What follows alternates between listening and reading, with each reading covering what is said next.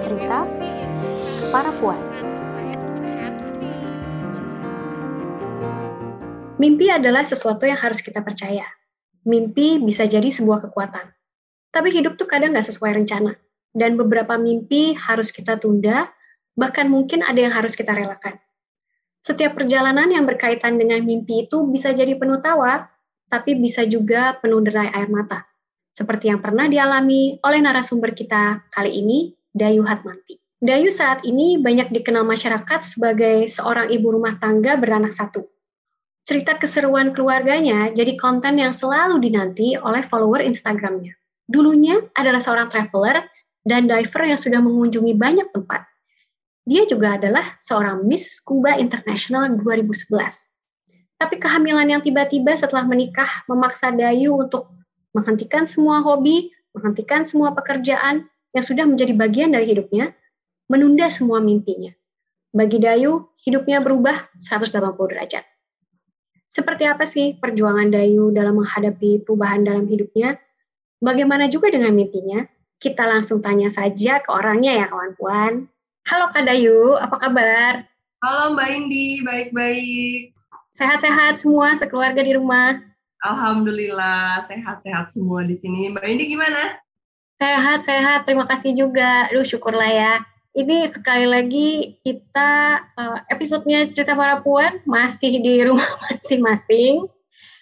Sebelum kita mulai tanya-tanya, kali kita uh, apa namanya pelemasan-pelemasan dulu. Kan biasanya ada yuk kalau ngajar renang juga pasti ada stretching dulu ya. Kita stretching-stretching dulu. Okay. Kita main games dulu, Kadayu. Siap, siap. Oke, okay, okay. Ini gamesnya tentang uh, tiga hal, semuanya serba tiga. Nah ini aku rasa kita harus bisa, bukan kita sih, Kadayu mesti bisa jawab cepet nih untuk setiap pertanyaan. Oke, okay? okay. Kadayu ready? Oke, okay, jadi jawabnya tiga gitu ya? Yap, betul sekali. Oke. Okay. Oke, okay. yang pertama, sebutin tiga tujuan traveling favorit. Tiga tempat favorit ya, tujuannya um, ke ke Komodo, Raja Ampat. Satu lagi boleh deh ke London. Oke, ke London. Berarti dua nih kayaknya ada diving site-nya, Londonnya beda sendiri ya? Mm-mm. Nebeng okay. suami biasanya tuh ngikut. ada pembagian traveling favorit ternyata sama suami. Oke, okay, nextnya. Sebutkan tiga orang favorit. Pinara, Riko, ibuku. Oke, ini mudah nih kayaknya. Gimana kalau tiga bagian tubuh yang paling disukai? Hmm. apa ya? Oke, rambut. Aku okay. suka sama um, mataku. Terus aku okay. juga suka sama hmm, apa ya? Tanganku. Oke. okay. Berarti rambut, mata, dan tangan. Hmm. Nah, tiga alasan Kadayu mencintai diri sendiri. Karena aku berharga, karena aku ibu yang hebat, karena aku uh, ingin hidupku bahagia. Oke, ini yang terakhir. Tiga hal yang membuat seorang Dayu bahagia. Um, diriku, keluargaku, dan passion hidupku. Oke, passion hidup, keluarga, satu lagi tadi apa Kak Dayu? Keluarga, diriku sendiri. Diri sendiri. Passion. Dan passion. Nah, kalau gitu kita langsung habis stretching-stretching, kita langsung ceritanya masuk kolom ya Kak Dayu ya. Oke. Okay. pertanyaannya gampang, cuman kalau cepet kayak langsung nge-lag apa ya. ternyata gitu, ternyata gitu. Dan biasanya akhirnya hal yang disebut duluan tuh, ya biasanya kata orang gitu kan, yang disebut duluan malah yang paling benar. Jadi emang kita stretch uh, otot jawab cepat nih. Kalau yang berikutnya jawabannya nggak terlalu harus cepat-cepat, santai-santai. Aku tuh lihat Kak Dayu itu kan sekarang jadi baby swimming instructor, betul ya? Betul. Guru nah, renang bayi. Guru renang bayi. Kak Dayu, aku tuh sebenarnya agak penasaran deh. Uh, guru renang bayi itu sebenarnya kayak bayi usia berapa sih yang bisa masuk kolam renang? Itu selalu kayak banyak pertanyaan dari orang-orang gitu. enam bulan. Jadi enam bulan itu setelah dia empasi, sudah duduk tegak. Jadi kita ngajarin pun nggak nggak usah takut-takut gitu kan. Jadi enam bulan sih. Oh, berarti sebenarnya kalau kita suka lihat di video klipnya Nirvana yang dulu itu, yang bayi berenang tuh sebenarnya mungkin dia, dia kayaknya umurnya enam bulan juga deh kayaknya. Apa lebih kecil ya? Oh, dan segitu sebenarnya aman ya? Aman, aman, aman dan bayi itu jauh lebih bisa uh, beradaptasi loh dibanding kita karena kita tuh udah kebanyakan takut ya udah kebanyakan uh, apa ya info sana sini gitu. Kalau bayi kan kayak masih pure dia tuh cuman akan uh, beradaptasi dengan sangat cepat gitu. Jadi nggak usah khawatir. Ah gitu. Ngomong beradaptasi dengan sangat cepat itu juga sebenarnya ada adaptasi pekerjaannya Kadayu. Sebelumnya itu kan Kadayu itu dikenal oh uh, traveler, diver, lalu sekarang jadi guru renang bayi. Itu hmm. ceritanya gimana Kak Dayu? jadi kalau ini adaptasinya nggak cepat ya, ini proses yang panjang dan melelahkan, menyakitkan karena aku sempat denial gitu-gitu. Jadi kalau diceritain dari awal nih, wah ini lumayan uh, panjang ya, nggak apa-apa nih ya cerita. Dong? dulu tuh kerjaan aku memang adalah seorang traveler. Traveler tuh kenapa bisa jadi kerjaan karena aku bekerja sebagai uh, host acara jalan-jalan gitu. Host acara jalan-jalan, terus jalan untuk brand juga, untuk kementerian, untuk beberapa campaign. Intinya aku tuh jalan-jalan. Dalam sebulan bisa dibilang kayak satu minggu doang nih ada di rumah dan itu tuh biasanya dipakai untuk preparation untuk jalan-jalan berikutnya dan itu aku lakukan kayak lebih dari enam tahun hidupku kayak gitu. Jadi jalan-jalan traveling keliling ke mana-mana dan itu aku lakukan hampir setiap hari gitu kan. Terus jadi aku udah sangat terbiasa naik uh, ke airport datang ke destinasi-destinasi ketemu orang baru ketemu culture yang baru itu adalah memang bagian dari pekerjaanku. Terus tiba-tiba aku menikah ya langsung masuk ke fase yang berbeda nih uh, nikah dan tadinya sih aku rencana memang akan punya anak itu setelah satu tahun setelah menikah gitu. Pengennya sih direncanakan seperti itu tapi ternyata alhamdulillah aku dapat rezeki lebih cepat. Dua minggu setelah menikah aku hamil gitu kan di, uh, aku cek aku hamil. Nah konsekuensinya adalah pekerjaanku yang memang sebelumnya um, seperti itu jalan-jalan traveling ke mana-mana memang harus stop stop mendadak stop seketika dan ternyata apa ya uh, pola hidup yang kayak gitu tiba-tiba mendadak berubah itu mengubah banyak sekali dalam diri aku gitu. Mm-hmm. Jadi secara fisik, secara mentally, kan aku juga lagi hamil, terus aku ngalamin juga pas hamil tuh nggak happy karena aku ngerasa uh, kok aku jadi jelek banget ya, jerawatan banget. Balik lagi soal gaya apa ya uh, perubahan atau adaptasi yang harus aku lakukan itu benar-benar jadi sangat banyak dan beruntun gitu. Terus kenapa akhirnya ujungnya jadi guru renang bayi ini tuh adalah salah satu titik balik besar di hidup aku gitu kan.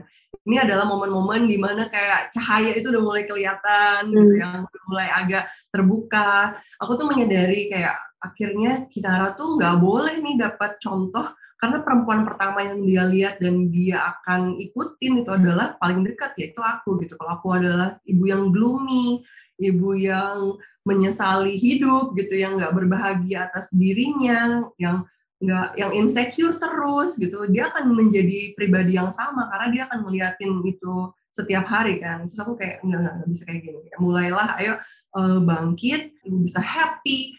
Kira aku cari cara apa yang kira-kira tetap bisa um, ada di se, uh, apa sebelah kinar nggak jauh-jauh dari dia atau kalau mau pergi juga nggak lama tapi tetap sesuai dengan hobiku gitu. Apa yang berhubungannya dengan air ya oh dari situ. aku suka banget berenang kan. Aku suka diving aku suka nyelam. Cuman memang ini different form gitu. Mm-hmm. terus aku juga suka ngajar aku suka anak-anak. Terus aku suka storytelling aku suka cerita. Itu kan yang aku lakukan ketika aku jadi host kan yeah. aku suka ngomong ketemu orang aku suka berbagi cerita gitu. Intinya aku suka ngajar. Ya udah pas aku pikir-pikir ya guru renang bayi ini adalah uh, jalan yang paling pas gitu. Karena semua yang aku suka tuh terangkum di sana gitu loh. Dan aku juga perginya nggak lama-lama bisa pulang uh, lokasinya deket rumah bisa pulang cepet ketemu kinar lagi. Jadi ini sangat win solution. Aku ngerasa um, ya ini jawaban gitu. Dan bener aja setelah aku ngejalanin sekitar udah hampir dua tahunan ya sekarang I'm so happy. Tapi yang menyenangkan juga uh, dari tadi itu ceritanya Kadayu adalah akhirnya kan menghargai dan menikmati present time gitu ya. Itu kan sangat menyenangkan banget gitu dengarnya. Tapi kalau kita nostalgia dikit nih, nostalgia dikit, waktu Kadayu aja uh, sering banget diving yang tadi itu, traveling ke sana sini, itu um, se kalau sekarang gitu ya, sekarang kan tidak bisa sesering dulu divingnya deh, paling enggak. Serindu apa sih Kadayu? Bisa digambarin nggak sih rindunya kayak gimana? Jadi kalau ditanya kangen apa enggak sama diving, jawabannya kangen banget. Terakhir aku diving tuh empat tahun lalu. Sebelumnya tuh nggak pernah dalam sebulan tuh aku nggak diving. Jadi ya, wow. jadi langsung ya lumayan kangen sih. Jadi aku tuh pelampiasan sih kayak ngeliatin video diving, terus kayak posting-posting ulang momen diving terbaik aku yang aku ngerasa kangen. Aku tuh pengen share sama orang ini tuh diving tuh se segininya loh buat aku gitu itu masa-masa nah, kawan puan yang mesti tahu bahwa Kadayu itu adalah Miss Kuba International 2011 Wah, betul ya? Oh, nah, 10 tahun yang lalu ya, ya ampun. ya benar juga. 2021 sekarang 10 tahun lalu. Tapi sebenarnya pertama kali mulai divingnya itu kapan sih? Pertama kali mulai diving 11 tahun yang lalu berarti. Jadi Oh, um, oke. Okay. jadi tahun sebelum menang baru mulai diving berarti? Ya, tapi untuk acara TV dan jadi rutin karena oh, itu pertama kali uh, di selayar, pertama kali untuk um, apa namanya uh, cuman buat TV lah, jadi dive recreational dive yang cuma 5 meter, terus dipegangin sama dive masternya. Terus aku dari situ kayak bilang, gila gue suka banget sama ini, tapi nggak mau nih cuma 5 meter gitu. Gimana sih caranya biar bisa hmm. itu? Terus ternyata um, ada oh, abis itu aku ikutan Putri Pariwisata. Jadi Putri Pariwisata apa sebelumnya? Jadi tahun itu tuh aku ketemu uh, ikutan Putri Pariwisata, terus aku dikirim ke Rusia buat pameran Golden Dolphin Exhibition. Jadi pameran tentang wisata bahari di Indonesia gitu loh. Hmm. Dan tau gak sih, jadi boatnya Indonesia itu paling rame di, di oh, sama di sana pengunjung karena Indonesia tuh segitunya terkenal dengan wisata baharinya laut -hmm. Indonesia one of the best gitu buat wisata diving pilihannya banyak mau diving jenis apa juga ada mau wreck mau yang lihat atol mau ngelihat uh, binatang paling aneh sedunia pun Indonesia tuh punya lokasinya hmm. gitu terus aku kayak mikir terus aku kan ngobrol kan sama uh, peserta uh, Indonesia nih yang datang ke sana. Emang segitunya ya diving ya? Uh, aku pernah sih nyobain tapi cuman kayak bentar doang gitu loh. Yeah, yeah. harus banget tuh diving. Apa ya kayak oke okay, pulang dari sini aku harus diving. Dan uh. banget pulang dari sana tuh aku dapat tawaran untuk TV program acara traveling. Jadi uh. kayak semuanya tuh nyambung nyambung ya? nyambung uh-uh, jadi kalau mulai diving 11 tahun lalu terus mulai uh, ikutan Miss Kubatu 2011 dan terakhir diving 4 tahun lalu itu ajang yang adakan dari dari Kemen waktu itu bukan Kemenpar ya masih Kementerian Pariwisata biasa gitu ya dari situ kah apa gimana uh, yang mana dulu nih kalau yang si Miss Kubanya? Oh Miss Kuba, Miss Kuba Internasional hmm? tuh ada namanya Yayasan Putri Selam. Jadi dulu oh. namanya Miss Kuba, jadi yang bikin memang uh, Miss Kuba Internasional ada khusus gitu. Jadi memang oh. mereka mereka uh, apa ya kayak organisasi untuk khusus penyelaman. Wow, emang apa sih rasanya ketika diving itu, Kak Dayu? Jadi apa sih yang sebenarnya paling suka dari diving? Kenapa segitunya sama diving? Ada satu momen ketika kita masuk nih, kita udah backroll, jus gitu masuk ke air. Ada waktu di mana yang paling aku nikmati adalah ketika mataku tuh di sini, lihat di atas tuh adalah daratan, di bawah tuh adalah dunia yang udah beda gitu laut. Dan itu kayak aku mau bilang bye bye masalah hidup, hmm. semuanya ketinggalan di atas gitu kan. Kayak sekarang aku mau uh, be present, aku mau menikmati apa yang aku lihat dan uh, uniknya adalah ketika kita diving di tempat yang sama, misalnya 100 kali tapi di tempat yang sama, kita tuh bisa berbeda-beda experience-nya karena ikan kan nggak diam di situ terus, kita yeah. bisa macam-macam, terus kayak mungkin nanti tantangannya beda-beda, tiba-tiba ada arus, tiba-tiba nanti airnya berasa ada air dingin sama air hangat gitu lewat. Mm. Menyenangkan sih, memang itu itu hobi yang bikin aku tuh ngerasa hidup gitu waktu itu. Jadi setiap ada trip yang ada diving ya pasti aku iyain mau ada uangnya mau nggak ada uangnya mau mau segimana mau ke mana pun gitu pasti aku coba ikutin. Nah lalu sesudah keseruan-keseruan fase hidup diving diving ini tadi kan Kak Dayu cerita, lalu aku uh, tiba-tiba menikah. Pastinya nggak tiba-tiba dong, pasti kan ketemu hmm. suami dulu gitu ya. Itu ceritanya tuh waktu itu ketemunya gimana tuh? Uh, aku posting sebuah foto um, diving, terus entah gimana suamiku itu ngelihat di explore, ini adalah kekuatan Instagram dan kekuatan Instagram. dia bisa-bisanya waktu itu pas ngeliat foto aku itu terus dia kayak ngerasa wah ini kayak aku pengen nanya-nanya nih sama orang ini nih tentang diving karena kebetulan dia pengen belajar diving juga. Akhirnya dia email aku bilang halo kenalin nama aku ini aku mau belajar diving atau gimana. Dari situ kita kenalan terus ketemu. Di pertemuan kedua kita uh, uh, ini apa dia ngelamar aku. Wow di pertemuan kedua kak? Iya karena uh, apa ya udah sama-sama ngerasa klik gitu ya udah uh -huh. lagi yang dicari oh itu juga kita uh, pertimbangannya udah cukup umur hmm. dan yang dicari lagi ya udah hmm. tapi ah. Uh, dan kita tapi dia bukan kayak random person yang tiba-tiba datang ya. Kita tuh punya mutual friends. Oke. Okay. Tapi tadi ada kata-katanya Kadayu yang uh, menyiratkan itu bahwa seakan-akan waktu pas menikah sama-sama uh, juga udah ada yang udah ada yang dicapai jadi akhirnya menikah. Tapi aku tuh agak penasaran, sebetulnya ketika masuk ke pernikahan gitu ya, masih ada mimpi nggak sih sebenarnya waktu itu Kadayu yang masih mau dikejar? Um, aku tuh ngerasa hidup aku tuh sangat fulfill gitu ya, sangat aku udah hmm. merasa konten gitu dengan dengan um, dengan apa yang aku lakukan. Aku udah kayak aku nggak tahu lagi sih apa yang aku mau karena semua yang aku mau tuh sudah terjadi gitu. Aku mau traveling hmm. ini sudah sudah achievement aku sudah lakukan gitu aku secara um, eduka, uh, education gitu aku juga sudah sudah di fase yang cukup gitu aku ngerasa aku nggak mau lagi di step yang berikutnya. Aku udah ngerasa konten jadi aku ngerasa oke okay, uh, I'm ready now untuk untuk berlayar berlabuh. Jadi karena sebenarnya aku juga nggak um, mencari apa pun itu yang yang aku pengenin adalah aku bisa terus melakukan apa yang aku suka intinya gitu sih waktu itu. Jadi kepengenan aku gitu yang belum kecapai aku tuh nggak particularly punya apa ya punya sesuatu yang aku belum nih tapi aku pengen melanjutkan apa yang sudah aku punya gitu aku pengen tetap hmm. bisa traveling aku bisa uh, ketemu orang jalan-jalan presenting itulah yang yang sebenarnya aku pengen tetap bisa lakuin gitu hmm. ingin melanjutkan tapi lalu kan tadi Kak Dayu cerita uh, dua minggu sudah menikah dapat kabar kabar bahagia ya gitu bahwa uh, hamil. Tapi uh, ketika ada keinginan buat melanjutkan, kan Kadayu nih kalau dari cerita dan segala macam kan semangat banget gitu ya, ingin banget mengejar ini uh, untuk jalan-jalan. Uh, apalagi suami berarti uh, pilot ya kak ya. Nah itu kan sebenarnya semua nyambung dengan uh, kesukaannya Kadayu gitu. Tapi lalu ada kabar hamil. Tadi barusan aku bilang itu kabar bahagia tapi buat Kadayu saat itu, apakah kabar itu uh, memang langsung bikin happy atau mungkin saat itu ada hal-hal lain yang ada di pikiran atau ada di perasaan Kadayu? Oke, okay, uh, eh, jadi pertama juga aku mikir oh nikah sama pilot nih, berarti jalan-jalan nih, ikut dia terbang yeah. gitu, gitu yeah. kan, ekspektasi. Tapi realitanya ternyata nggak semudah itu. Dan apalagi ketika udah punya anak jadi pas pertama kali aku dengar oh uh, aku aku tes pack nih kok hamil sih? Gitu. Jadi yeah.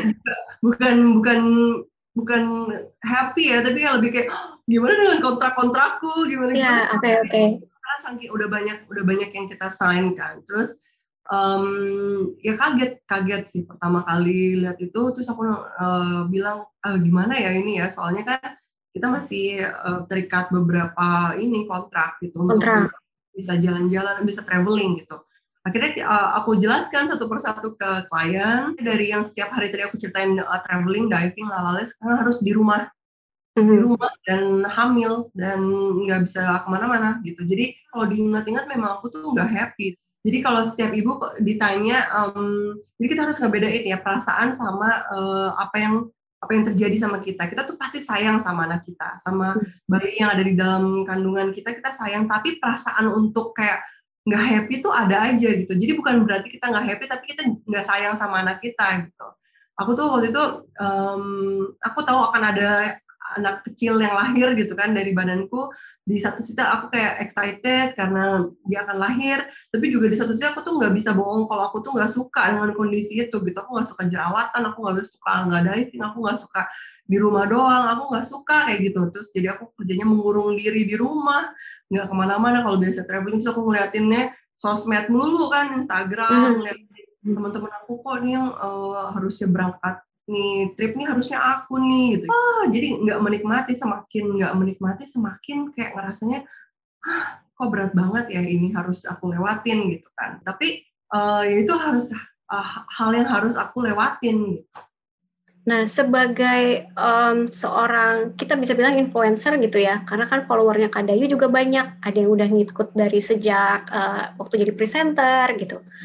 Ada ada efeknya nggak sih jadinya Kak Dayu ini benar deh ini adalah sebuah cerita yang penting banget ya buat semuanya. Instagram tuh maksudnya sosial media tuh bukan segalanya tapi sejujur-jujurnya memang itu mempengaruhi aku banget dulu tuh kayak gampang banget dapat likes, dapat followers karena aku sering tampil, sering posting tentang keindahan alam segala jadi si market uh, follower aku tuh udah tertakar gitu dia adalah orang yang suka traveling juga gitu. Yeah. Tapi ketika aku hamil kan aku jadi stop posting tentang kayak gitu. Kalaupun posting ya throwback throwback doang karena memang aku nggak punya stok fotonya, aku nggak ke mana-mana gitu kan. Nah, eh, follower sempat turun banyak sampai seribuan gitu karena mereka memang nggak jadi nggak relate sama kehidupan aku kan. Terus gara-gara itu aku jadi kayak sedih, hmm, sedih banget sih kok uh, sekarang jadi sepi Instagram aku, aku harus posting apa? Posting hidup aku aku juga nggak nggak happy. Maksudnya uh, motherhood itu adalah sesuatu yang baru dan aku masih meraba-raba gitu, bukan bukan sesuatu yang um, intu lah waktu itu kan. Terus mm -hmm. Aku pikir uh, pas ketika aku mulai membuka diri, membuka hatiku, mulai happy, mulai mau enjoy, menerima diriku dan keluarga tentang kondisiku sekarang sebagai ibu, tahu prioritasnya berbeda. Sekarang ternyata aku jadi kelihatan banget tuh mulai enjoy posting tentang hari-hariku aja. Jadi ketika aku sudah mulai bisa apa yang lihat hal-hal yang bikin aku happy sehari-hari, terus ternyata itu ngaruh dan nular gitu ke ke behave aku. Jadi aku bisa hmm. posting dengan gaya aku dengan dengan uh, sesenang aku. Dan kalau dulu aku presenting untuk TV sekarang aku jadi kayak berubah mindset.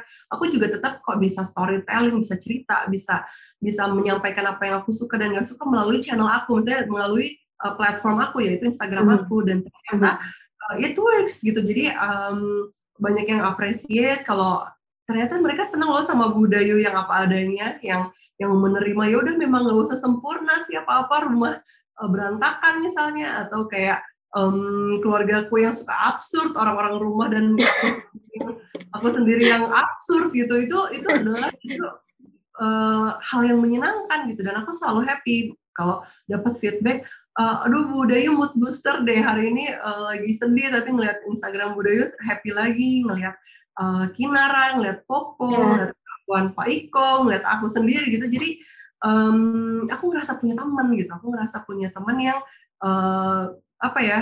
Aku jadi nge-treat uh, follower-follower aku yang DM-DM, yang komen, yang berinteraksi sama aku tuh memang kayak teman. Jadi rame hidupnya happy gitu.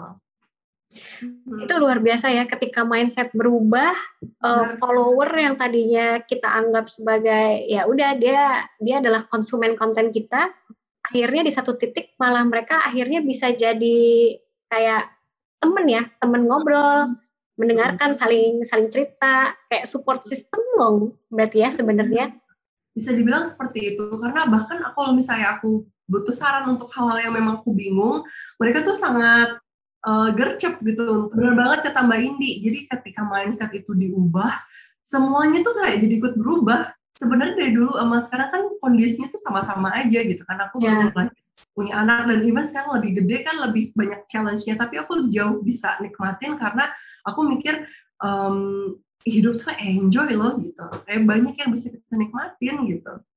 Tapi mindset yang tadi itu muncul begitu muncul begitu aja atau ada proses sampai akhirnya mindset itu keluar sih kak? Atau ada yang ngomong mungkin yang ngingetin gitu? Aku ngeliat Kinar sih, jadi Kinar tuh oh, okay. tumbuh dia dia dia titik balik aku sih. Jadi hmm. aku pengen dia punya figur role model yang yang aku pengen kan kira mau jadi anak yang menyenangkan, yang happy, yang yang yang bisa berbahagia sama hidupnya. Sebelum hmm. aku pengen orang seperti itu, ya aku harus aku jadi yang seperti itu dulu. Itu intinya. Jadi mana bisa sih ngajarin, ayo Kinar jangan marah-marah, jangan gloomy, jangan yeah, yeah. gitu. Sementara ibunya marah-marah, ibunya yeah, gloomy, yeah, yeah. insecure gitu, ibunya nggak sayang sama dirinya. Kayak Kinar uh, itu dong uh, apa sayang dong sama diri sendiri kalau gitu. Ya mana bisa orang dia nggak dapet contoh yang benar gitu. Jadi dari saat itu aku sadar Kinar tuh akan setiap hari adalah masa belajar ya dia. Setiap hari dia bertumbuh, setiap hari dia menyerap apa yang dia lihat, hmm. dia dia dengar. Kalau ibunya sering ngomong di kaca, aduh kenapa sih jerawatan banget, jelek gitu. Dia akan ngerasa kok oh jerawat itu kekurangan, berarti aku juga uh, jelek nih kekurangan juga gitu. Jadi bukannya berarti kita cuma harus kelihatan positif terus ya, tapi vibes, vibes itu yang kita bangun gitu di rumah. Gimana vibes itu apa ya getaran yang kerasa sama orang. Kalau misalnya kita senang, kalau kita menerima nggak harus senang sih, sedih juga nggak apa-apa. Tapi pembawaan orang itu kan beda ya. Kalau hmm. dia dia dia positif sama dia gloomian terus gitu. Jadi aku nggak mau tuh jadi orang kayak gitu. Ya, bangkit, aku mau jadi ibu yang produktif, aku mau mulai uh, berkarya lagi, aku mau melakukan sesuatu yang aku suka, aku mau jadi contoh yang baik untuk anakku. Itu sih motivasi aku, harapannya bisa ketularan. Gitu. Kalau misalnya uh, tadi Kak Dayu cerita bahwa titik baliknya itu adalah saat uh, Kinara lahir gitu ya. Berarti perubahan mindset itu, C, balik lagi ke perubahan mindset. Perubahan mindset itu berarti dalam 9 bulan selama kehamilan dari mulai ada rasa insecure itu, lalu akhirnya flip nih cara pikirnya uh, lalu Kinara lahir langsung udah langsung udah berbeda gitu kak? Enggak, enggak. jadi pas hamil kan aku ini kan nggak happy kan, terus aku ngerasa kayak paling dark lah di hidup aku tuh ke uh, yeah. gitu. Bukan karena kehamilannya, ini sama sekali nggak ada hubungannya kayak ibu hamil sedih gitu, enggak. Ini cuma terjadi sama aku. Jadi karena momennya itu dibaliknya adalah bukan bukan bukan hamil tuh cuma di luar, tapi aku yang jerawatan, aku yang nggak menerima diri, nggak menerima keadaan karena aku nggak bisa traveling, itu loh dibalik itu. Nah, uh, itu masih terjadi ketika Kinar uh, lahir, masih lahir kan? Oh, masih, masih ya? Kan malah justru even worse karena pas dia lahir kan aku harus concern sama dia. Anakku tuh lahir duluan, maksudnya dia um, belum waktunya, dia udah harus dilahirkan karena prematur ya kak Uh, iya, tapi nggak terlalu jauh prematurnya. Hmm. Memang dilahirkan duluan karena dia mengalami permasalahan dengan berat badan. Jadi dia bayiku tuh bayi IUGR, jadi bayi dengan berat badan kurang gitu. Lahirnya dia cuma satu kilo delapan ons, jadi seribu delapan ratus gram ya. Jadi satu koma hmm. delapan kilo dia lahir dan itu kan apa ya jadi tamparan lagi buat aku gitu udah mah aku nggak happy sama perubahan hidupku terus tiba-tiba anakku seperti itu kondisinya yang lagi-lagi dulu kan aku mikir oh yaudahlah ntar abis ngelahirin nih kita traveling lagi lah kita diving lagi gitu ternyata hmm. oh tentu tentu tidak lagi dari dan even worse gitu karena aku harus menjaga kalau tadinya cuma di perut sekarang orangnya udah hadir nyata hmm. bisa nangis bisa rewel bisa tantrum Terus, iya, jadi waduh bener-bener dan masalahnya lagi adalah dia dia punya harus concern khusus kan gitu. Dia bukan bayi yang pada umumnya bisa bisa langsung dibawa pulang ketika mm -hmm. uh, selesai dilahirkan. Dia harus uh, stay dulu di NICU beberapa minggu waktu itu oh, untuk okay. badan ideal dan dipastikan kondisinya baik baru dia boleh keluar diperiksa uh, jantungnya diperiksa syarafnya segala macam untuk memastikan dia tuh uh, Eh, baik-baik uh, aja gitu. Dan itu hmm. adalah yang melelahkan sekali buat aku waktu itu. Karena baru lahiran terus kepikiran. Dan uh, yang ditakutkan sama dokter kan kalau misalnya anak yang uh, lahir dengan berat badan kurang itu adalah nutrisi ke otaknya belum sampai gitu ya. Jadi ada takut ada kemunduran takut apa gitu. Jadi itu yang lumayan bikin aku was-was dan khawatir gitu. Dari di perut tuh sampai lahir sampai bahkan sekarang Kinara tuh selalu di bawah um, apa ya berat badan semestinya gitu. Jadi itu yang jadi concern aku. Terus aku juga sampai setahun atau lebih ya dia dia aku masih kayak gitu gitu masih bukan yang totally happy bukan belum belum totally bisa terima diri sendiri gitu. Itu berarti setahun dua tahunan lebih berarti ya Kak Dayu? Itu uh, masa proses aku belajar dan um, apa ya menerima diri itu luar biasa loh di situ karena aku tuh sampai ikut nyari uh, pelatihan apa pun yang kira-kira bisa membuat aku lebih bisa nerima diri sendiri karena ternyata lebih mudah nerima orang ya dibandingin nerima orangnya diri sendiri gitu. Yeah. Karena aku tuh selalu compare dengan diri aku yang dulu. Oh, dulu kan dia keren banget lah, gila. Cewek, traveler, uh, pembawa acara, menang ini itu, gitu-gitu. Terus compare hmm. sama sekarang kayak di rumah ngurus anak, gitu-gitu loh. Itu Dan, pernah hmm. sampai keluar gak sih di dalam benak atau malah keluar diucapkan gitu ya sampai kayak I want my life back gitu pernah oh. sampai titik gitu gak sih kak aku tuh kayak jadi nah gara-gara itu aku kan jadi sensi ya apa apa kalau ngeliat oh. suamiku kan udah mulai aku juga jadi nggak peka sama dia gitu. Dia kan juga sebenarnya melewati masa-masa sulit kan. Ketika ketika aku dalam kondisi gitu kan pasti dia juga nggak nggak nggak happy kan. Terus dia mulai menemukan hobi barunya dia kayak aku mau mau sepedahan nih uh, supaya aku bisa bisa bisa rilis stres juga untuk bersosialisasi waktu itu. Tapi yang ada aku jadi malah sirik sama dia karena kalau nemuin hobi sih? Kok gue tetap nggak bisa jalanin hobi gue nih? gitu gitu jadi hmm, tapi akhirnya makin lama aku ngeliat dia jadi orang pribadi yang lebih menyenangkan juga karena dia punya suasana baru di luar untuk main hmm. sepeda terus pulang dengan happy aku jadi pengen oh ya ternyata um, lakukan aja sih yang kita suka gitu. Dan aku mulai mikir apa ya. Memang, nah sekarang aku tuh di fase di mana aku udah legowo. Kalau memang uh, aku tuh nggak bisa diving sebanyak dulu, traveling sebanyak dulu. Tapi bukan nggak mungkin. Itu tuh cuma menunggu. Nanti akan ada waktunya yang paling tepat untuk lakuin itu. Sementara waktu itu datang, lakukan hal lain yang bikin kamu senang juga. Banyak kok gitu. Loh. Ah, kalau misalnya ditanya sebenarnya uh, budaya itu lagi suka apa sih sekarang gitu. Uh, apa yang bisa menggantikan diving gitu untuk untuk passion hidupnya. Nggak ada yang bisa gantiin diving. Nggak bisa ya.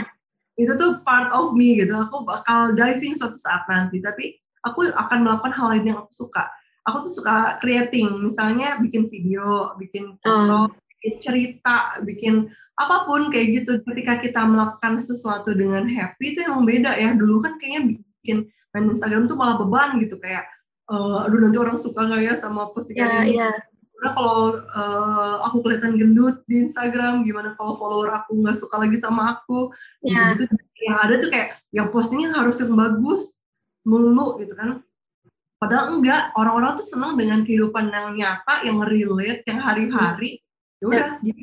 Mm, itu yang aku lakuin. Aku suka sharing sih intinya sekarang seneng sih sebetulnya Kak Dayu dengar cerita bahwa kalimatnya lagi tadi ya, kata-katanya Kak Dayu itu kan aku sekarang udah legowo, nggak bisa diving seperti dulu lagi. Uh, kadang kan ada banyak ibu juga pasti ada yang mengalami apa yang Kak Dayu alami gitu ya. Dia tidak bisa lagi melakukan apa yang dia suka dulu gitu. Tapi kan yang menarik tadi Kak Dayu kasih tahu bahwa ya lakukan aja lagi. Pasti kan ada hal lain yang kamu suka juga selain hal yang dulu ya itu nggak apa-apa, dijalani aja. Ada kalanya mungkin kawan puan yang jadi ibu bahkan tidak punya pikiran seperti itu kan Kak Dayu. Dia kayak ya udah dia menaruh dirinya sangat mengabdi untuk kehidupan barunya gitu loh. Tapi dia tidak lalu mencari dia sukanya apa sih? Aku mau lakukan sesuatu yang aku suka juga dong. Itu um, Kadayu mungkin ketemu juga nggak sih mungkin dari follower atau atau dari mana yang sifatnya mungkin kayak gitu dan jadinya nanya gitu. Oh banyak jadi aku pernah aku pernah sharing juga tentang tentang ini gitu tentang gimana perubahan aku dulu dan sekarang gimana aku melewatinya. Dan dari situ ternyata memang ibu-ibu ya gampang curhat gitu. Kalau misalnya disenggol dikit langsung masuk semua cerita. Dan banyak banget yang mereka kayak aku harus mengubur mimpiku setelah aku jadi ibu. Banyak yang masuk nih DM DM ke aku, uh, Bu Dayu aku nih harus mengubur mimpiku karena aku sekarang punya keluarga, karena aku sekarang udah jadi ibu, aku nggak bisa lagi berkarya seperti dulu, aku nggak bisa lagi melakukan hal-hal yang aku suka seperti dulu gitu. Hey, sedih, sama. sedih ya, sedih. Uh, tenang, tenang. Itu terjadi uh, perasaan itu sebenarnya hanya terjadi dan um, yang membuat batasan dan nggak boleh nggak bisa dan segala macam itu sebenarnya diri sendiri gitu. Diri sendiri. Memang sejujur memang ada prioritas yang bergeser. Memang ada yang itu yang memang harus kita hadapi gitu. Karena kita ada adalah ibu ada orang yang bergantung hidupnya sama kita. Yang harus kita susuin yang harus kita beri perhatian lebih gitu kan. Memang itu terjadi tapi bukan berarti kita harus mengubur mimpi kita gitu loh. Mengubur kreativitas talenta yang kita punya uh, begitu aja. Karena sebenarnya justru di, uh, seorang ibu tuh dituntut untuk jadi pribadi yang amazing gitu. Kalau aku bisa bilang amazing loh. Aku amazing. sekarang tuh hebat loh dari bisa sampai sekarang bertahan gitu. Begitu kita dituntut untuk jadi orang yang kreatif gitu. Dan itu terjadi bukan cuma untuk urusan anak dan keluarga, tapi untuk untuk karir untuk diri sendiri gitu. Hmm. Dan bukan berarti kita berhenti karir kita dulu misalnya kita punya jabatan tinggi di sebuah perusahaan, terus uh, kita korbankan itu untuk anak kita dan kita jadi nggak berharga. No, not at all gitu. Karena sebenarnya kita menginvestasikan kepintaran, keuletan dan kreativitas kita tuh untuk anak kita.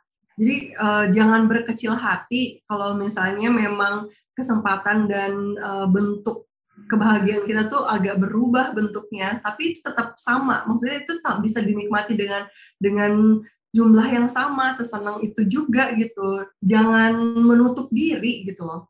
Buka kesempatan itu, walaupun kesempatannya tidak persis sama dengan yang sebelumnya, tapi kebahagiaan itu bisa datang dengan bentuk yang berbeda, dengan talenta kita tuh nggak usah dikubur, tapi e, disalurkan aja, tapi dengan channel yang berbeda gitu dengan kreativitas yang seperti apa gitu. Dan alhamdulillahnya di di usia Kinan sekarang 4 tahun aku udah ada di fase aku bisa bilang aku aku bahagia gitu aku senang dan aku bisa terima seorang budayu lagi bukan cuma Dayu si petualang tapi ibunya Kinar gitu ibunya Kinar hmm, istrinya Pak Iko dan sebagai seorang Dayu sebagai seorang Dayu gitu gimana sih penerima iya. diri seorang Dayu tuh title-nya di belakang adalah dulu kan petualang nih sekarang seorang ibu yang berbahagia gitu aku bisa mm -hmm. sombong ya tapi proses ini tuh aku nikmatin banget dan ada di fase ini tuh bukan mudah karena itu aku ngerasainnya adalah sebuah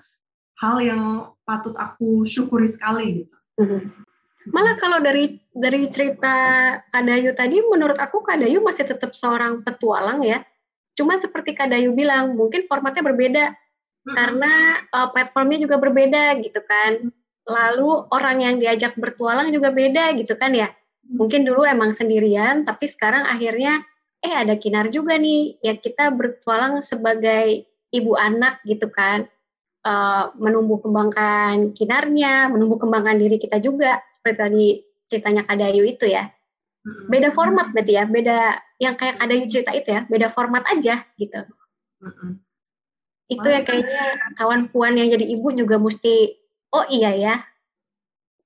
Betul betul. Iya jadi jangan aku nggak bisa ngomong jangan sih karena setiap orang tuh punya prosesnya masing-masing. Tapi percaya kalau kita tuh memang berharga gitu kita tuh berharga banget. Secara pribadi kita berharga secara uh, role kita atau peran kita sebagai ibu kita tuh berharga banget. Sebagai seorang istri kita berharga gitu. Jadi malah apa ya um, aku tuh justru jauh merasa lebih bermanfaat. Ada yuk uh, ini kan ceritanya uh, cerita Kadoyu itu udah sepertinya udah kayak balik lagi full circle gitu ya. Akhirnya menemukan uh, kebahagiaan dan tahu uh, bentukannya itu uh, bahagia dulu dan sekarang mungkin berbeda, tapi kadarnya itu bisa sama maksimalnya. Tadi kan Kadayu ceritanya gitu. Ah, benar ya.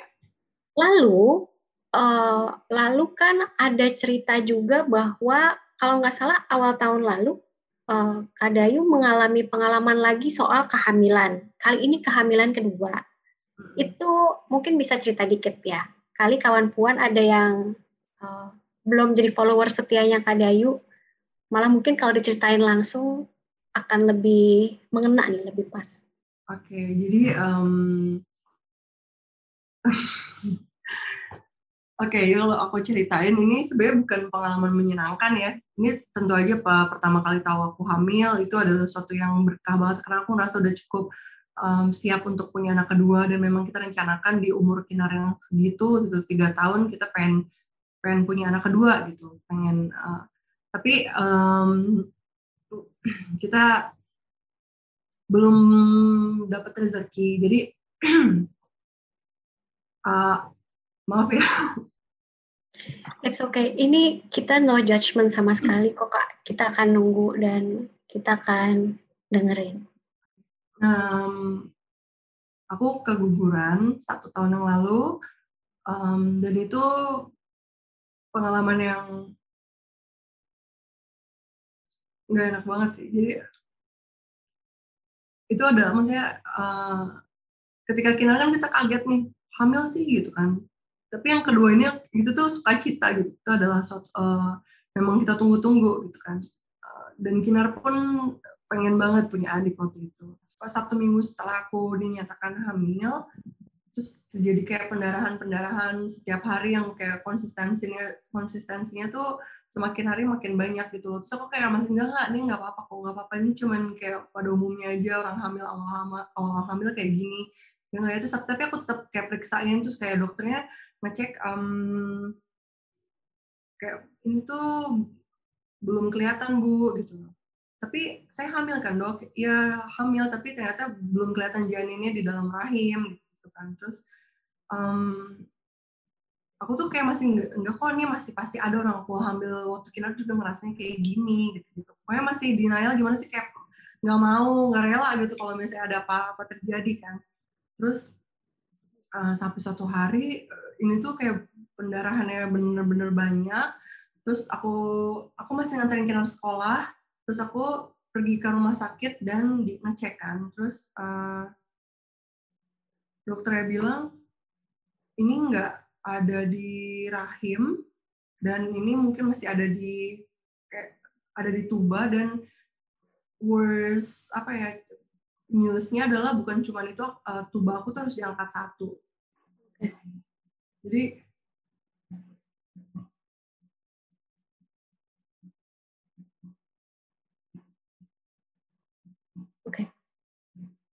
maaf ya dulu atau gimana? Nggak apa-apa kak. Kak kalau ada minum mau diminum dulu juga nggak apa-apa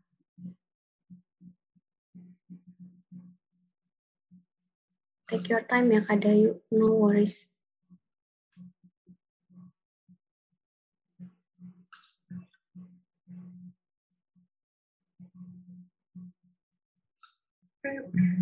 Hmm. Maaf ya. Iya, ada yang nggak apa-apa. No worries, no worries. Mau minum dulu? Nggak apa-apa, nggak apa-apa. Oke. Okay. ya, jadi pas dinyatakan harus di uh, tuba itu di angka satu tuh kayak, aduh, kok kenapa sih ini? Apa salah aku? Gitu? Aku udah kayak persiapin ini tuh lumayan matang, aku pengen dia lahir ke dunia tuh dengan dengan sukacita gitu dengan dengan banyak yang menyambut dia terus uh, kayak dan aku juga menjalani segala macam itu dengan dengan sepenuh hati dengan sepenuh jiwa gitu kan. Pengen makan yang sehat pokoknya persiapan itu luar biasa gitu sampai dokter bilang karena satu tuba diangkat tuh kemungkinan untuk hamil berikutnya tuh memang akan jadi jauh berkurang kan karena uh, bukan maksudnya bukan cuma masalah kehilangan janin tapi kehilangan kesempatan itu yang bikin aku Iya, iya. Bikin aku shock banget gitu dari berita yang senang tiba-tiba drop gitu kan. Aku bersyukur karena ada suamiku tuh benar-benar suportif, dia menemani aku. Bahkan waktu itu dia lagi terbang sebelum aku operasi. Jadi pas aku dibilangin uh, untuk uh, untuk diangkat tubanya satu itu adalah itu aku masih kinar tuh masih di sekolah posisinya jadi aku pulang dulu jemput dia sekolah dan aku anterin dia pulang ke rumah aku kembali ke rumah sakit dokter bilang harus diangkat saat itu juga malam atau hari itu karena pendarahannya tuh udah berapa liter gitu di dalam dan dia sampai kayak nanya ibu yakin ibu nggak ngerasa sakit apa pun? Itu aku bilang nggak dosa tuh mas kuat saya yakin itu ada gitu. Kayak gimana sih denial? Padahal dokter tuh adalah yang paling tahu kan karena dia udah US gitu segala macam uh, ibu benar-benar nggak ngerasa sakit gitu. Aku bilang enggak itu tuh nggak sakit sama sekali dok. Jadi sakit sih cuman kayak mau dapat gitu mau menstruasi. Cuma nggak buk harusnya ibu udah pingsan sih di kondisi term yang kayak gini nih karena ini pendarahannya udah banyak sekali dan ini sudah bengkak udah udah bentuknya tuh udah udah nggak mungkin diselamatkan gitu. Jadi jadi apa yang harus saya lakukan dok? Saya nggak bisa operasi hari ini karena suami saya tuh lagi terbang dan saya nggak bisa minta ibu saya tiba-tiba datang karena dia ada jauh. Hari itu juga aku hubungin suamiku akhirnya dia lagi terbang ke mana gitu dia cancel penerbangan dan cari pilot pengganti. Dia pulang tepat di waktu uh, tepat di waktu aku mau operasi. Terus sampai akhirnya kita uh, pulang aku masih kayak kok ini terjadi sama aku sih? gitu. Di saat aku udah siap punya yang baru punya anak yang kedua gitu kenapa malah diambil? Diambilnya sama tuba-tubanya gitu kayak enggak yang bahkan aku nggak pernah ngebayangin ini bisa terjadi sama aku. Itu itu lumayan berat dan tapi aku bersyukur aku punya teman dan keluarga dan suami dan kinar pun yang menguatkan gitu. Jadi sampai kapan sih mau sedih? Kita tuh um, kita tuh dibutuhkan gitu sama banyak banyak orang dan juga untuk diri sendiri intinya. Aduh, gloomy banget. Oke oke, okay. coba kita mungkin kita uh, kembali ke pertanyaan aja kali. Kalau kalau waktu uh, cerita yang di awal kan Kadayu akhirnya udah menemukan gitu ya, oh aku tetap berharga, aku tetap seperti ini. Lalu uh, ada uh, peristiwa yang tadi Kadayu ceritain soal kehamilan kedua itu uh, itu akhirnya mempengaruhi lagi nggak sih Kak Dayu gambar diri? Ada yang akhirnya goyang nggak sih? Uh, Oke, okay. jadi orang kan memang nggak bisa selamanya di satu fase yang sama ya kayak happy, terus uh, bersyukur, terus namanya manusia pasti hidupnya aja kayak naik turun dan begitu juga dengan perasaan dan aku berusaha untuk kali ini nggak nggak um, denial tentang itu gitu. Memang aku sedih, memang aku drop, memang aku aku kehilangan saat itu, tapi kemudian aku menerima perasaan itu, jadi aku tahu harus bagaimana memperbaikinya gitu, membuat itu jadi um, memang apa ya fase hidup yang bisa kita lewatin. Jadi sedih, lebih jujur ya. Sedih berat, tapi bisa kok kita lewatin. Jadi aku mulai aktif lagi ngajar renang, terus Kinar sih maksudnya dia tuh dia tuh kan masih kecil ya dia akan sangat bingung sih melihat kayak kenapa ibunya bersedih terus gitu mm -hmm.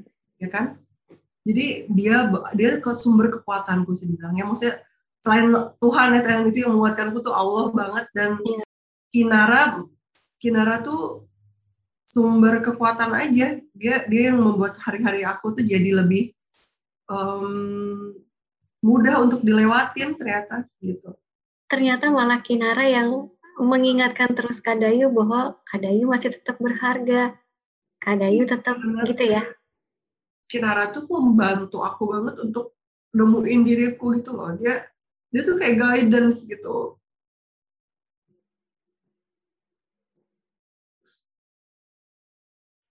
Ya udah kebayang kalau gak ada dia sih. Tuhan sayang banget sama Kak Dayu dengan memberikan Kinara itu. Ya, ya. Jadi kalau dulu aku sempat bilang gara-gara dia anak nih aku gak bisa traveling, gak bisa diving. Sekarang kalau aku bisa minta, ya Allah, terima kasih banget udah ngirim dia gitu. Even aku tuh jadi orang yang lebih ngerasa baik. Ya, benar-benar. Dan humble, beneran. Jadi bukan bukan pribadi yang dulu ngerasa tinggi karena karena popularitas karena hmm. bisa melakukan banyak hal tapi kayak sekarang hal simple aja gitu kayak aku bisa berhasil membuat dia mau mandi atau mau makan itu adalah kayak pencapaian gitu buat ibu. Jadi kalau aku boleh bilang makasih buat Kinar kayak makasih buat udah jadi guidance ibu untuk jadi orang yang lebih baik. Luar biasa banget Kinara itu memang. Di mata manusia gitu kita kayaknya kemundurannya jadi ibu nggak bisa lagi seterkenal dulu nggak bisa kata orang dulu se seheboh dulu, se sehebat dulu. Tapi kayak di mata dia anak itu, dia tuh kita tuh segalanya gitu. Iya. Nggak butuh ibu yang menangin itu, nggak butuh ibu yang di, disukai banyak orang. Dia nggak butuh ibu yang sempurna. Dia cuma butuh ibu yang ada di depan dia dan saya sama dia. Benar-benar yang nggak akan terganti sama diving di mana pun traveling ke mana pun apa perasaan dibutuhkan dan dihargai seperti itu. Dan cuma anak yang bisa lakukan. Betul cuma posisi mereka yang bisa kayak gitu. Ada nggak sih Kadayu kata-kata yang mungkin biasanya kayak uh, suka kamu ucapin gitu ke Kinara agar dia juga akhirnya terima tuh pesan untuk um, kejar kebahagiaan, mencintai diri. Ada mungkin ada kayak hal-hal yang selalu diulang-ulang ke Kinara nggak sih kak? Kinar kamu berharga. Itu karena perasaan berharga itu adalah yang paling penting.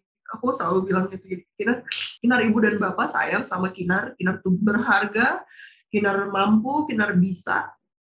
Dan kalau boleh cerita, jadi Kinar tuh kan di antara kita berdua, ibu aku sama suamiku dan dia, dia tuh sendirian rambutnya keriting. Keritingnya keriting banget gitu kan. Jadi dia tuh kalau ngeliat kayak ibunya lurus bapaknya rambutnya juga lurus terus dia kayak hmm, rambut lurus cantik ya ibu gitu dia bilang. Oh. rambut keriting Kendall tuh paling cantik aku bilang gitu. Karena ibu berkali-kali pengen keriting tapi ibu tidak bisa. Uh, keriting Kinar tercantik buat ibu gitu. Terus dia bilang kenapa rambut aku? Maksudnya emang sih kalau bangun tidur tuh kan kayak emang segede-gede rumah gitu rambut. Yeah, yeah.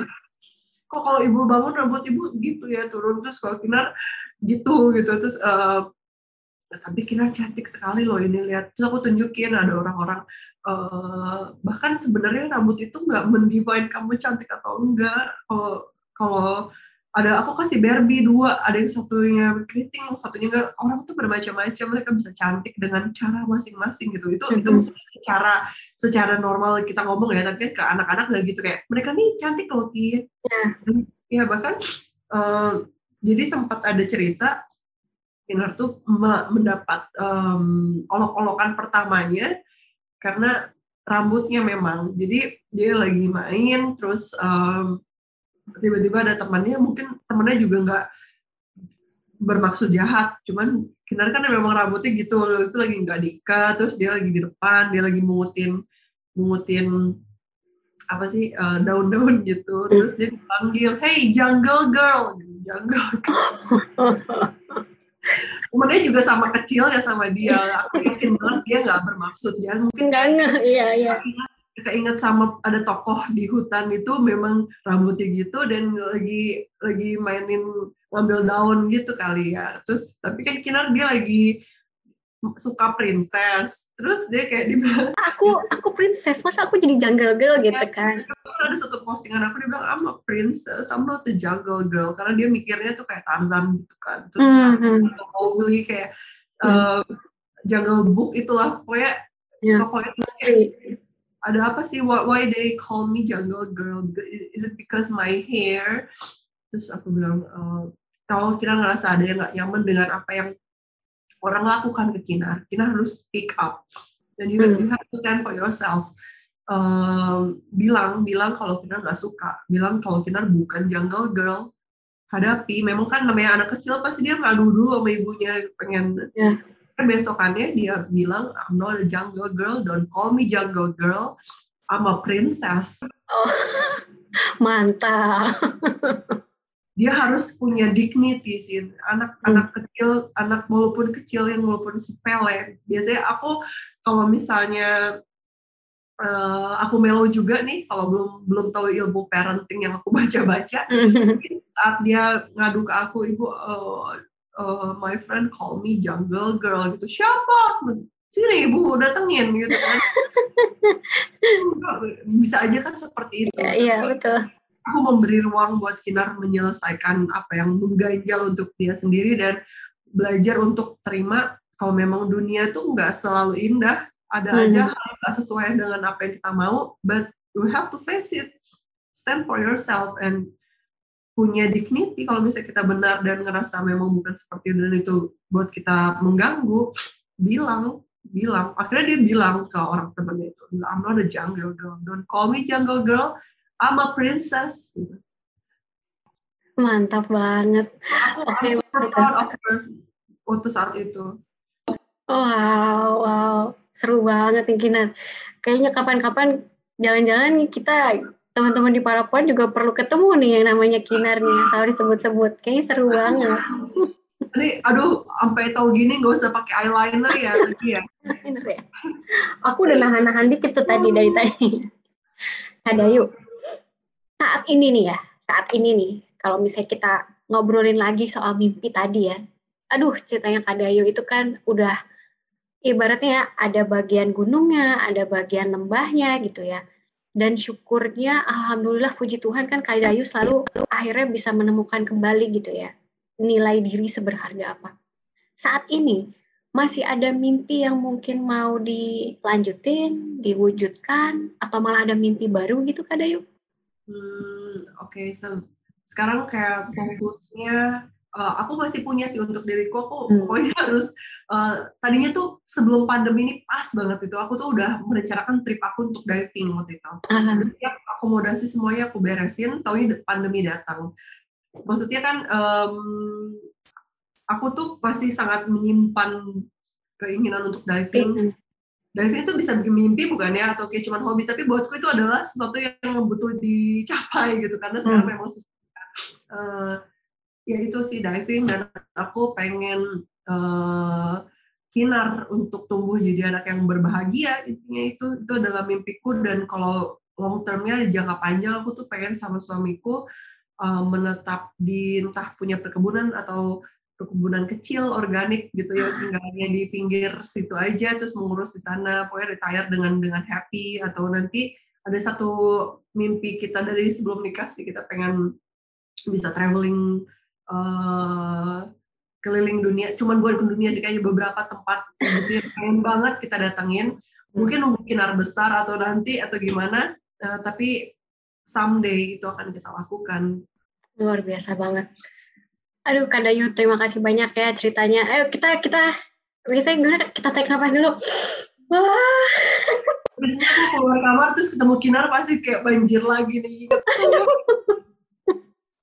bukan aku tuh gak bisa. Aduh.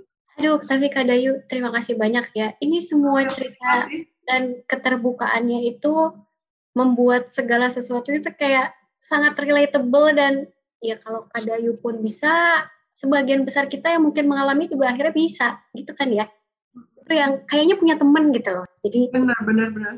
Tuh, makasih banyak ya.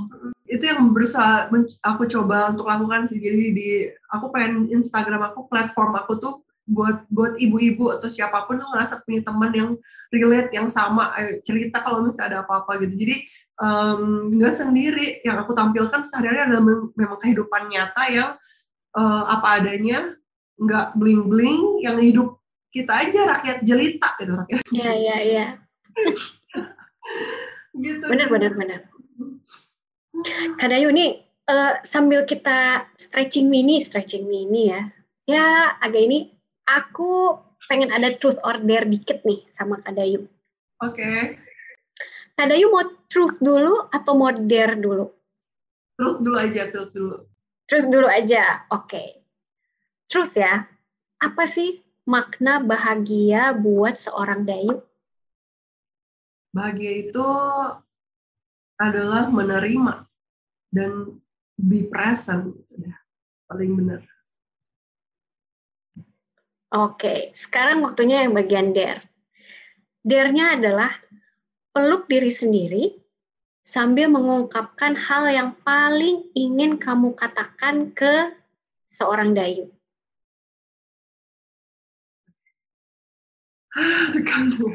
Sebenarnya ikut temenin peluk peluk diri. Ayo. Terima kasih. Udah berjuang dan sampai di saat ini. Kamu hebat.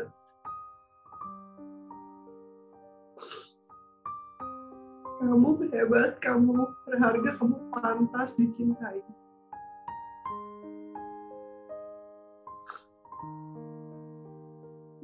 Jangan berhenti.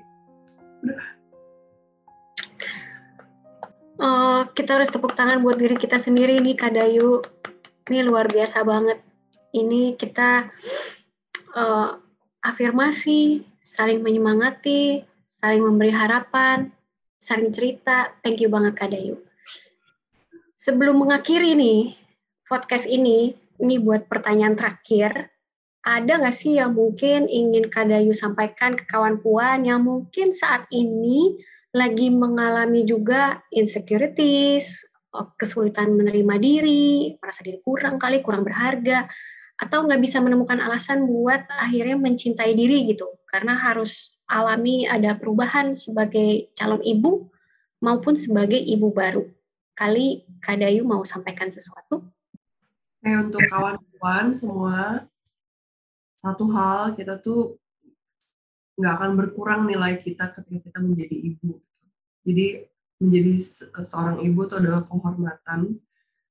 Walaupun dilihat tadi seperti yang aku bilang, walaupun terlihat sama manusia lain kita menurunkan hmm, karir atau mengorbankan banyak hidup kita, tapi sebenarnya adalah kita sudah menjadi dunia dan hidup dari seseorang dan itu itu itu adalah hal yang sangat berharga. Jadi jangan pernah nyesal prosesnya sakit dan panjang, tapi percayalah um, ini berharga banget untuk kita lakukan. Ini worth it.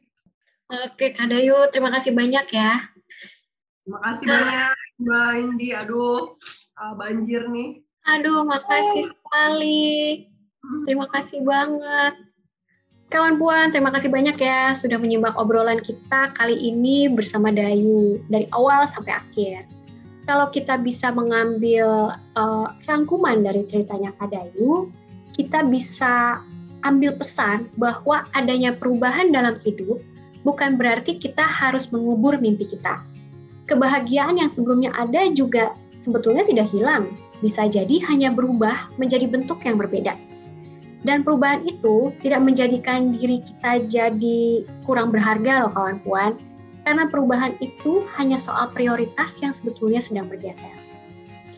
Kalau kawan puan saat ini sedang bersiap jadi calon ibu, atau sudah menjadi ibu baru, dan mungkin sedang mengalami hal yang sama dengan yang Kadayu alami, kawan puan harus selalu ingat untuk mengucapkan ke diri sendiri, aku berharga, aku berharga.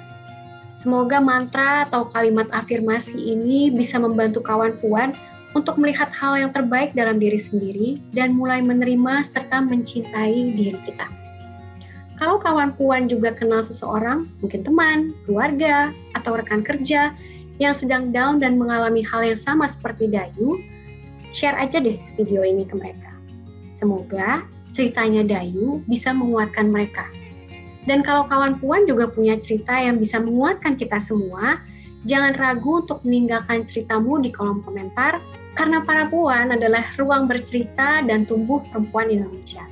Jadi semua ceritamu pasti akan menguatkan cerita perempuan yang lain juga. Terima kasih sudah menyimak uh, podcast cerita para puan. Kita ketemu di episode berikutnya. Dah.